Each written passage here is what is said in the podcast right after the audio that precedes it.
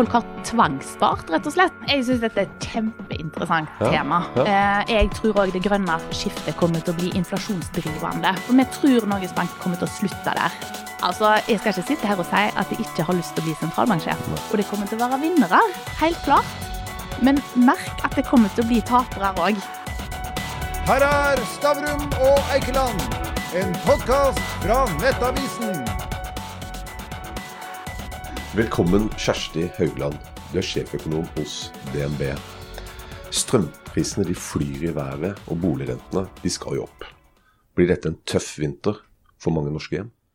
Ja, nå ser det ut til å bli litt tøffere enn vi hadde sett for oss for en stund siden. Eh, Fordi den komboen nettopp av renteøkninger og veldig høye strømregninger, det er selvfølgelig ikke bra nytt for folk sine lommebøker. Og nå er det kanskje litt teit å si lommebøker, for folk har jo ikke det lenger. Men eh, kjøpekraften deres er ramma av dette her.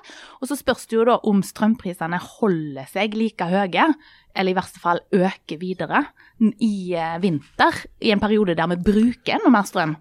Og Da kommer det store spørsmålet som vi lurer på, Norges Bank lurer på, Finansdepartementet lurer på, alle som lager prognoser for norsk økonomi lurer på. Er det sånn at når strømregningene kommer i posten og er rimelig skyhøye, vil da forbrukerne dyppe inn i sparepengene sine for å eh, betale disse ekstra kronene, eller vil de kutte ned på øvrig forbruk?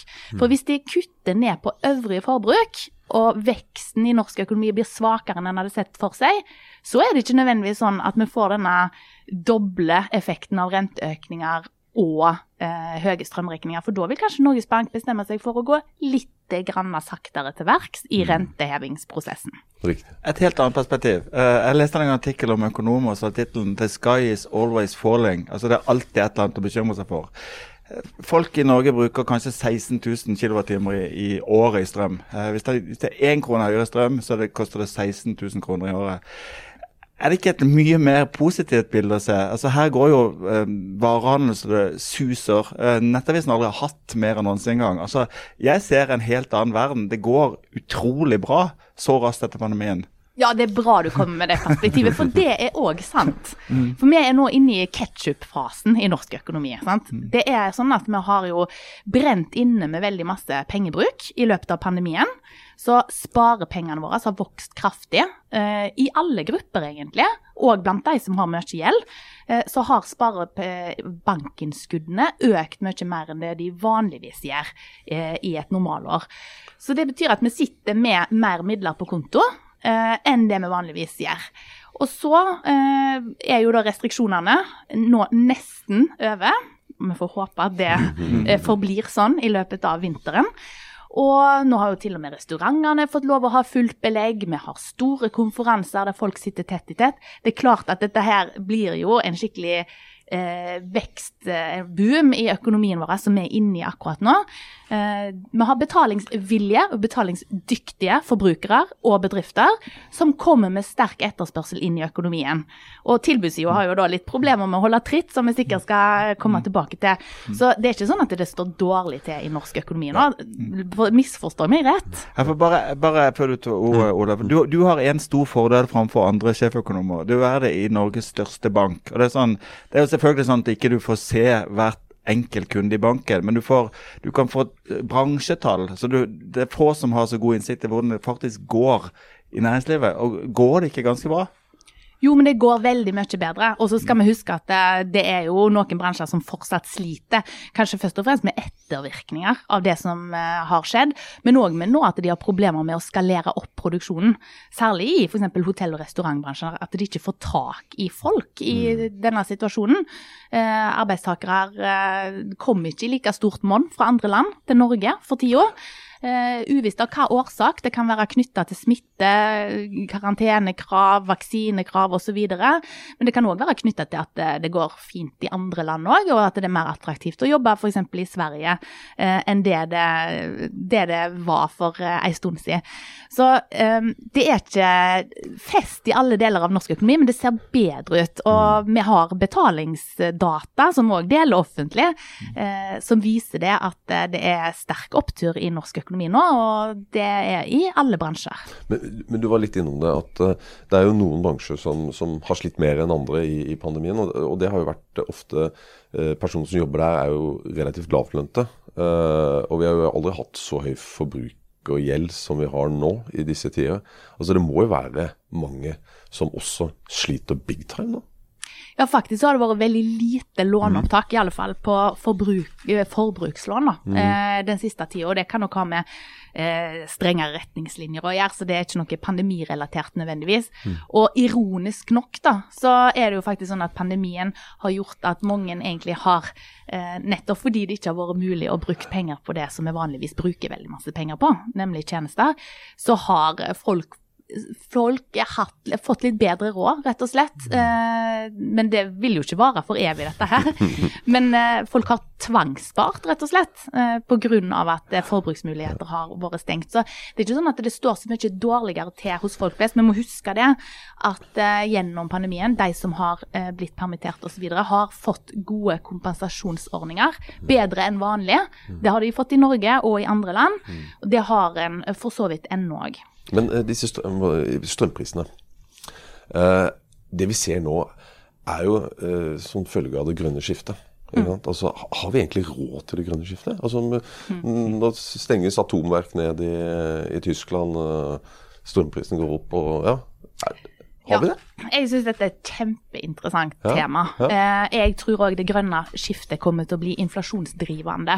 Mm. Og så er spørsmålet på hva måte blir det inflasjonsdrivende? Blir det kun i form av at avgifter osv. øker, sånn at vi får den der komboen av eh, en prisoppgang som òg hemmer veksten?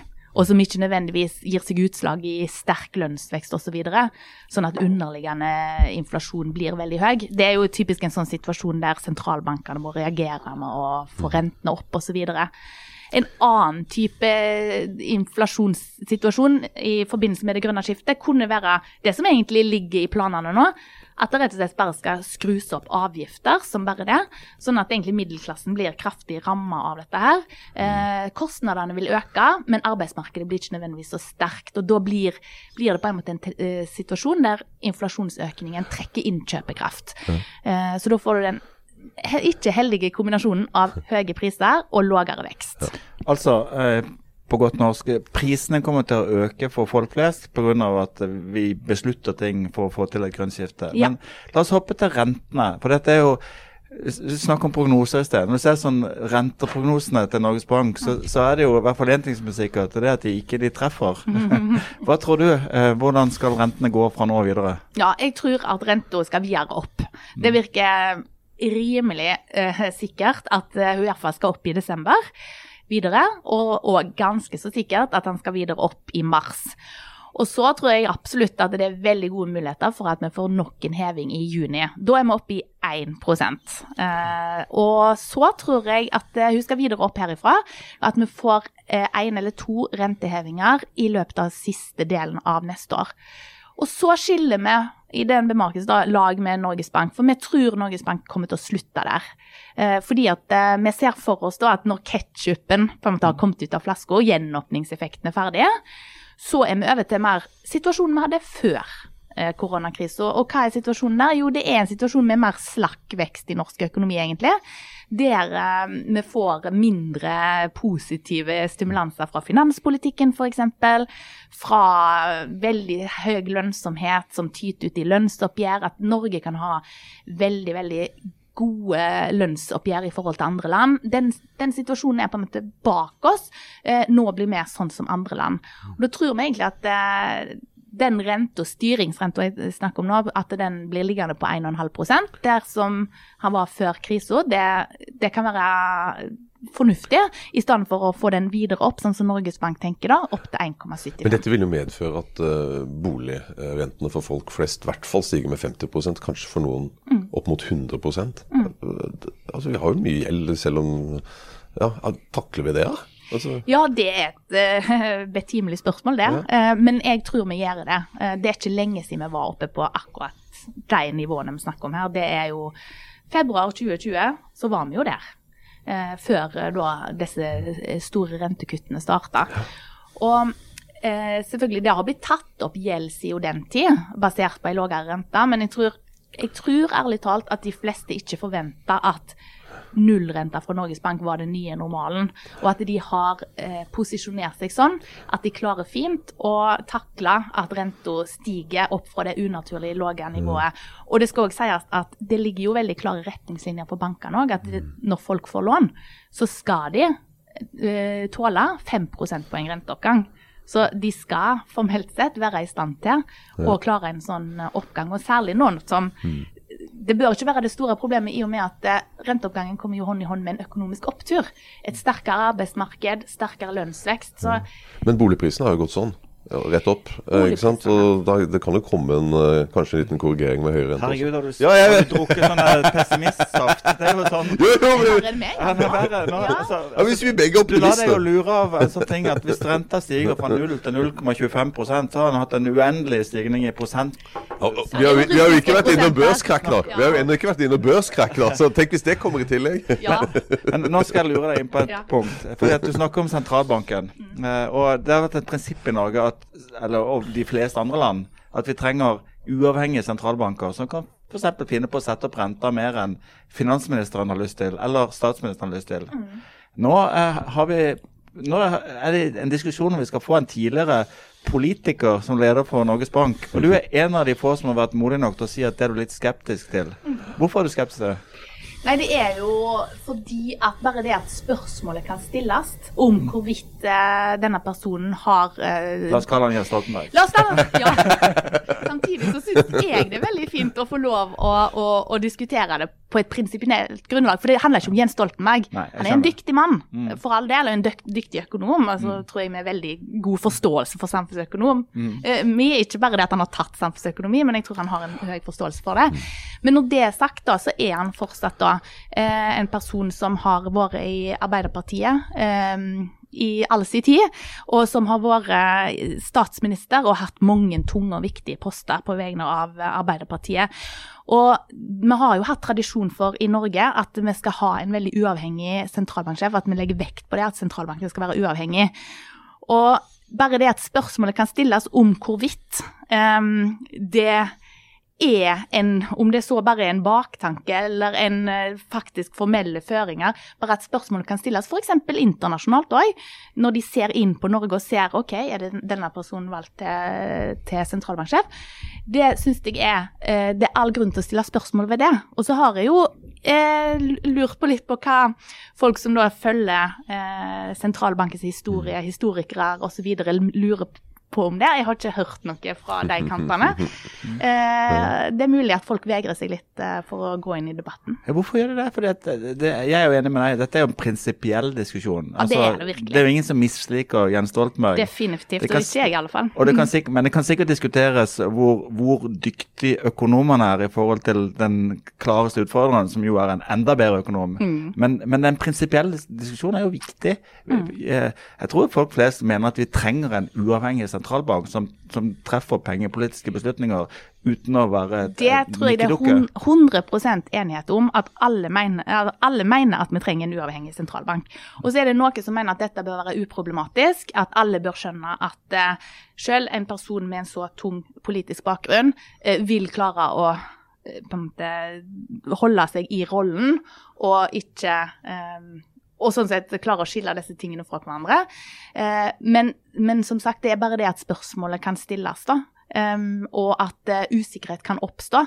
At debattene kan komme til tider, kanskje. Det er vanskelig å se for seg akkurat hva debatter det skal være, men debatter kan komme til å oppstå.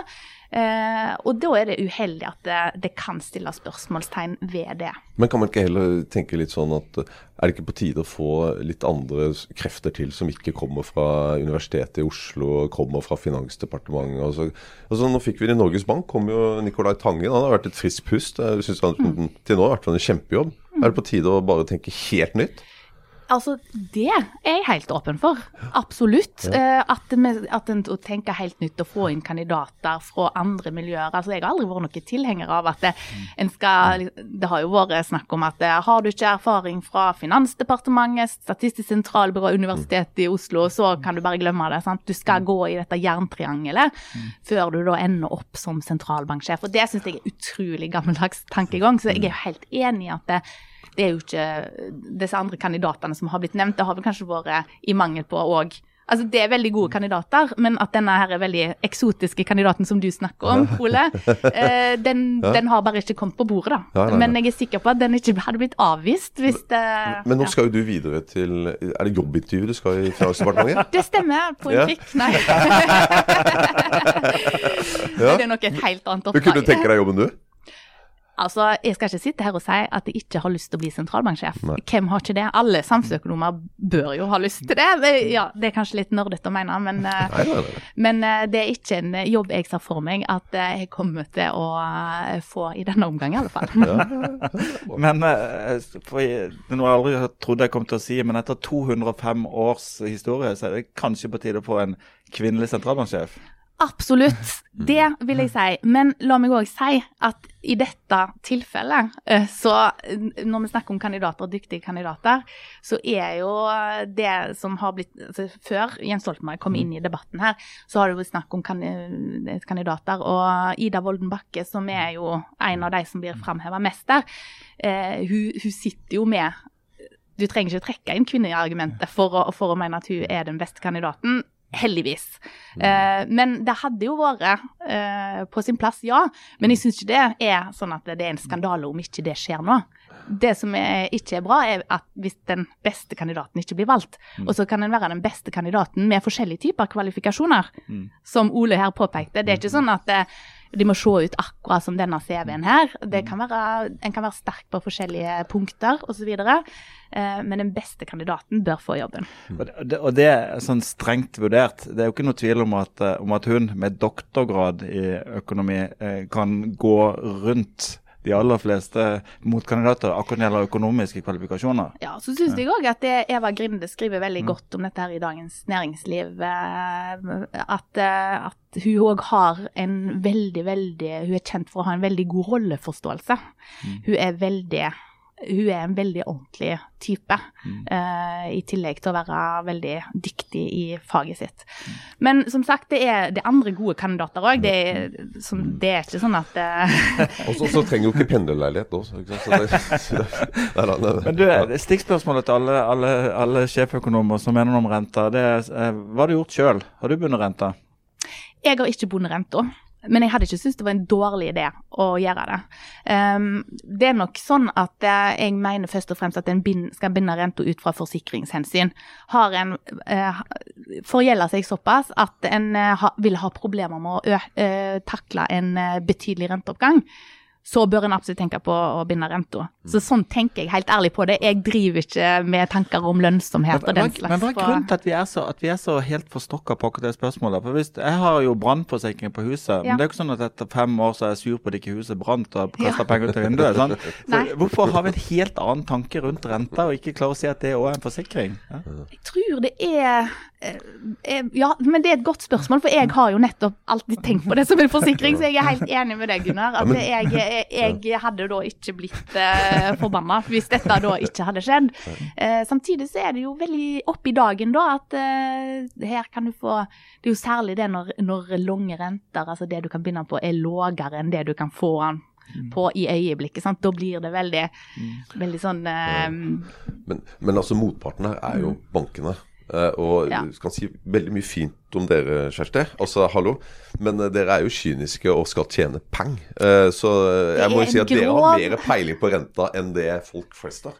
Så jeg tenker Ja. ok, hvis jeg går der, så blir jeg lurt. Men det er jo misforståelse. Det er en misforståelse, For, for dere, dere, dere tjener jo ikke penger på at Nei. jeg velger enten fast eller flytende rente. Dere tjener ikke. penger uansett hva jeg gjør. siden jeg lander der. Ja, Ja, det ja, ja. Nei, nei, Det, er- det, er en, det, er en, det er en grov misforståelse, dette Ja. her, som verserer fortsatt. At, at Ja. bankene tjener på å selge fastrentelån. Det er jo Vi avdekker risikoen ute i markedet. Så det, det er ikke vi som eh, da på en måte lurer deg, Ole. Hvis Så du tjener ikke penger på at jeg går til deg og så binder renta? Ikke i det hele tatt? Ikke noen ting? Nei? altså For forretning med Altså, forretning tjener en jo penger på, Ja, exakt. men, men en tjener ikke penger på at du Nei. da eventuelt ender opp med å betale ei høyere rente enn du hadde gjort på flytende.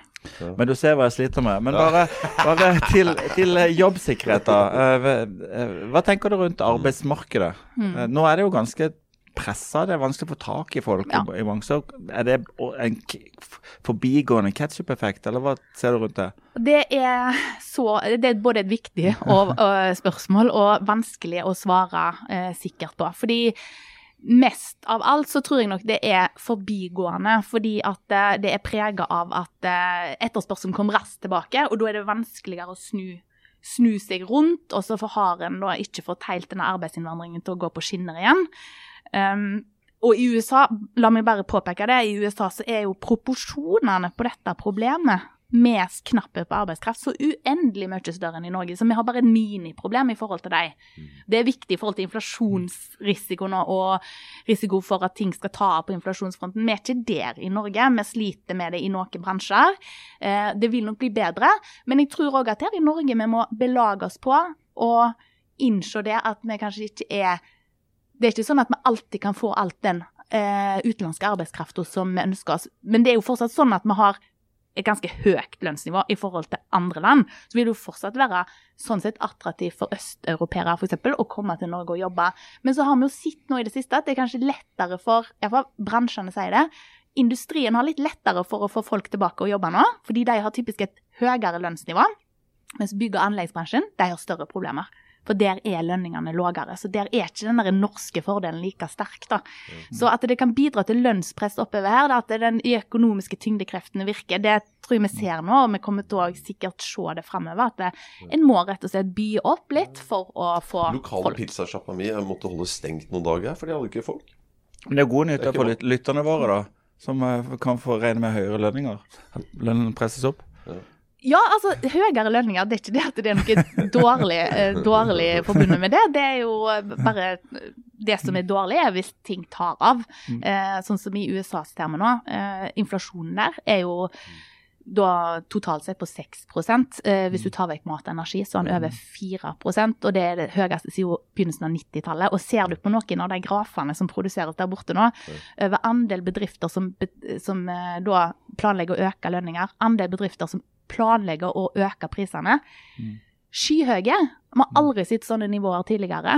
Eh, så der er det Hvis ting kommer ut av kontroll eh, i USA, da det virker jo, Vi har ikke sånne tendenser i Norge i det hele tatt, men i USA så ser vi ting som kan gjøre oss litt, eh, litt svette i pannen. Men det påvirker jo eh, også resten av verden. Det er nettopp det, fordi hvis det fører til at Fed da eh, tenker at eh, shit, vår eh, historie om eh, this is transitory, dette er bare helt midlertidig, vi får snart en normal inflasjon igjen. Hvis den uh, historien heller nå begynner å eh, lukte mer og mer vondt, og at en da begynner å se at uh, det er fare for at inflasjonen fester seg på et høyt nivå, eller enda verre, stiger videre fra dagens nivåer, bare det at de begynner å prise inn en større risiko hos komitémedlemmene i FEM, eh, Fed om at det kan være tilfellet. Det er jo Risikostyringsperspektivet skal jo òg inn i pengepolitikken her. Det er ikke sånn at du kan bare ta en teori og kjøre bank på. Ja, det blir sånn som vi tror mest på. Det er jo en risikofordeling her. Sannsynlighetsfordeling. Og hvis de da tenker at nei, dette her kan vi ikke sitte og se på, så må de stramme kraftig til i pengepolitikken. Og da vet vi det at markedene er veldig sårbare for en eh, skikkelig Det, korreksjon. det ble altfor mye positivitet i podkasten. Du måtte ha litt negativitet. Nå. Jo, men jeg, jeg, sitter og tenker på, jeg tenker på en nerdete ting og så en konkret ting. Den nerdete tingen er jo at det er ikke så mange det er ikke mange år siden vi trodde at liksom inflasjonen var, inflasjonen var død. Vi var, nå har vi kommet Ja. til en ny situasjon Ja. hvor det aldri kom til igjen. Så Ja. den situasjonen du beskriver nå, er jo på en måte en problematikk vi har hatt noen ganger. sant? Galopperende inflasjon og lønninger og sånt. Men litt av kapasitetsproblemene i, i økonomien og, og logistikk. Nå har vi jo liksom hatt eh, Byggevarene i Norge har blitt eksplosivt dyre. For det er vanskelig å få tak i byggevarer. Det er Mm. Ja. vanskelig å få tak i ting fra, fra Kina. Det er vanskelig å få tak i liksom, computerdeler og sånt. Ja. Er det en midlertidig ting, eller, eller er det litt sånn døden over, over fri handel og, og globale varestrømmer? Nei, jeg vil si at, det, jeg vil si at først og fremst så handler dette om eh, den ekstreme politikken som har blitt ført gjennom pandemien. Eh, det, det, det, har rett og slett vært sånn at eh, det har blitt pøst inn så masse penger, og nå er USA så totalt i førersetet der, da. Det er jo nettopp derfor flaskehalsene er så utrolig store i USA nå. Det har blitt ført inn en vegg med penger inn i særlig amerikansk økonomi, men òg i andre land, som førte til at vareetterspørselen ble pumpa så kraftig opp. Så det at eh, vi har nå problemer med å få tak i veldig mange ting. Vi har problemer med å få frakta ting, særlig fra Kina over til USA. Det er det verste, da. Der står skipene på rekke og rad, og de venter på å bli lossa av, og det er, det er, ikke kapasitet nok. Men problemet her, det er noen som sier at ja, men hva kan Fed gjøre med det for å få ned inflasjonen?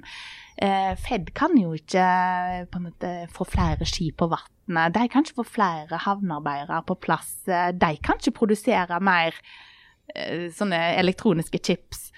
Men poenget er jo at eh, amerikanske havner opererer et, en, med et volum som vi aldri tidligere har sett.